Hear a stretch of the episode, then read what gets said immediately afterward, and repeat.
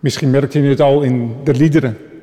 Ze gaan over dood en over leven, over vertrouwen en over toewijding aan God.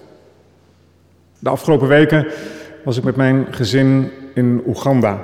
We bezochten een Oegandese gezin waar wij al jarenlang mee bevriend zijn en doken onder in de Oegandese cultuur. En een van de dingen die me enorm raakte was hoe dicht de dood daar bij het leven staat. Gedurende de weken dat we er waren, was onze gastheer en onze vrienden diverse keren afwezig omdat hij naar een begrafenis moest. Want als er iemand uit je dorp sterft, dan gaat iedereen naar de uitvaart. En ja, in een land waarin het sterftecijfer ook onder kinderen zo hoog is, heb je voortdurend begrafenissen. We hadden er gesprekken over. En we kwamen er opnieuw achter hoe dicht de dood daar bij het leven staat. En het raakte me, omdat ik hier in Nederland samen met u, met jouw leven, een land waarin we de dood vaak heel ver wegduwen. Zo ver mogelijk, richting de 80, de 90 of zelfs nog ouder. We hebben medische voorzieningen en mogelijkheden en willen zo lang mogelijk leven. En daar is alle reden voor, wellicht. Toch is dat ook niet helemaal nieuw, want we lezen in de Bijbel duizenden jaren geleden al van een godvrezende koning, Hiskia, die relatief jong op de troon terechtkwam. 25 jaar was hij. Hij was geliefd, hij had de nodige economische voorspoed gebracht, bouwprojecten gerealiseerd, oorlogen gewonnen. Maar als hij 40 is, wordt hij ernstig ziek. Hiskia wil graag, heel graag, blijven leven.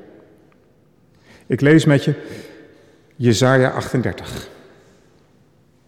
Omstreeks dezelfde tijd werd Hiskia dodelijk ziek. De profeet Jezaja, zoon van Amos, kwam naar hem toe en zei: Dit zegt de Heer: Wikkel je zaken af, want je gaat sterven. Je zult niet meer beter worden. Hiskia draaide zijn gezicht naar de muur en bad tot de Heer. Heer, ik smeek u, neem toch in aanmerking dat ik me altijd oprecht en met heel mijn hart naar uw wil heb gericht en steeds heb gedaan wat goed is in uw ogen. En daarbij stortte hij bittere tranen. Toen richtte de Heer zich opnieuw tot Jezaja. Ga naar Hiskia toe en zeg tegen hem, dit zegt de Heer, de God van je voorvader David. Ik heb je gebed gehoord en ik heb je tranen gezien. Welnu, ik geef je nog vijftien jaar te leven. Ik zal jou en deze stad redden uit de handen van de koning van Assyrië. Ik zal deze stad beschermen. Hiskia wordt ziek.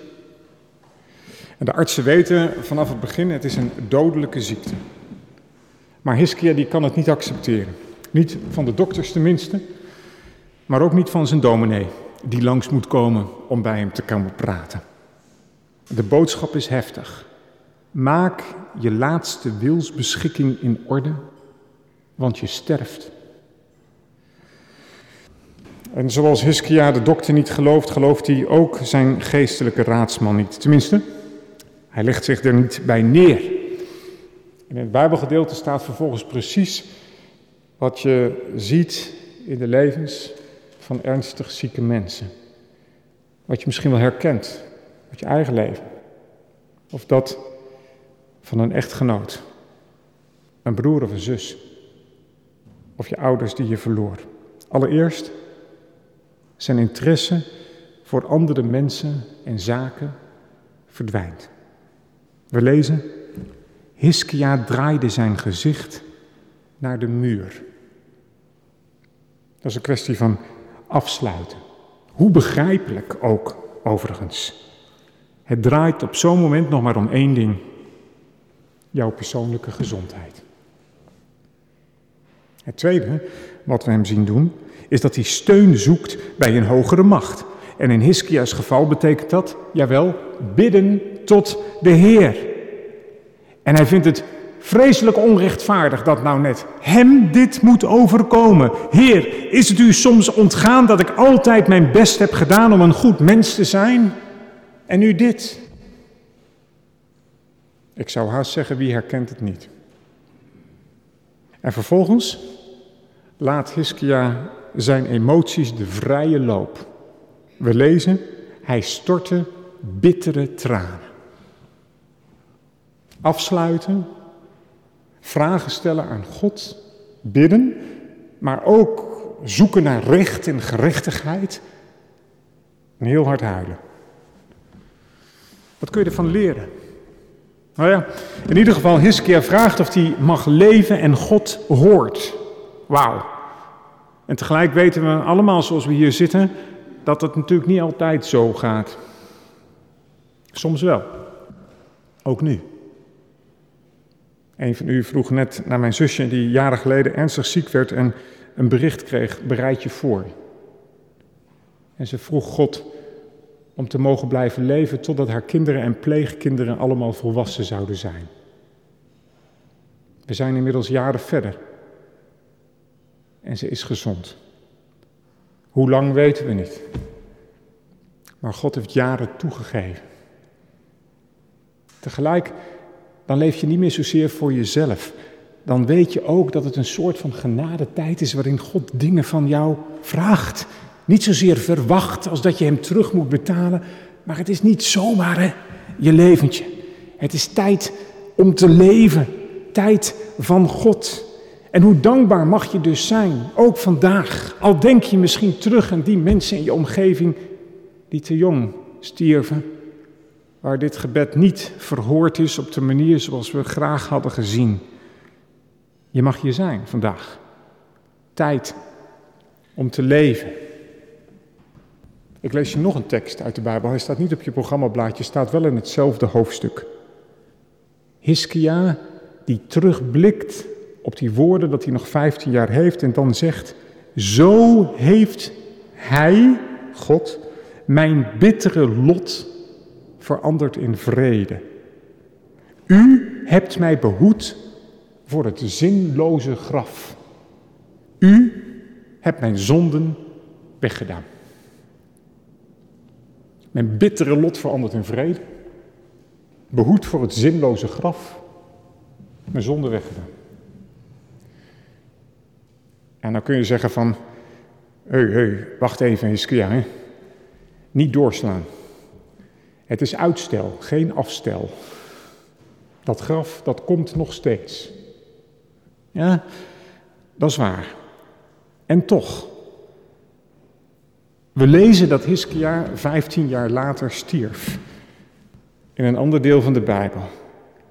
Maar als ik alles wat deze koning zegt op me in laat werken, dan denk ik dat Hiskia heeft bedacht: als God mijn leven zo belangrijk vindt, als God zo betrokken is op mijn leven op aarde, dan zal hij me nooit laten vallen. Zelfs niet als ik dit leven moet verlaten. Ja, de dood is nog steeds mijn lot, maar het is niet mijn bittere lot meer. Het graf is nog steeds mijn eindpunt, maar het is niet zinloos meer. Hij heeft in mijn bittere lot een keer gebracht en mij van het zinloze graf gered. Komt allemaal samen, dat ene wonderlijke slotzinnetje. U hebt mijn zonden weggedaan.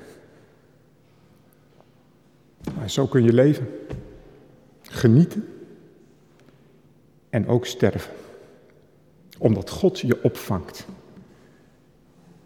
Ik leerde in Oeganda opnieuw dat de dood, nou ja, ik aarzel om het een beetje te zeggen, bij het leven hoort. Niet omdat God het zo bedoeld heeft trouwens, het is nog steeds het gevolg van de zondeval. En in het nieuwe leven, wat God beloofd heeft, is er geen ruimte voor die dood meer. Maar als je weet bij wie je moet zijn in je ziekteproces, als je weet wie je ziel redt van de dood, dan kan de dood gewoon onderdeel van het leven zijn. Zoals in Hartje, Oeganda. En wat ik ervan leerde en je mee wil geven, dat levert een ontspannender leven op. Waarin je niet meer vastzit aan het leven, maar vastzit aan God. U hebt mijn zonde weggedaan. Amen.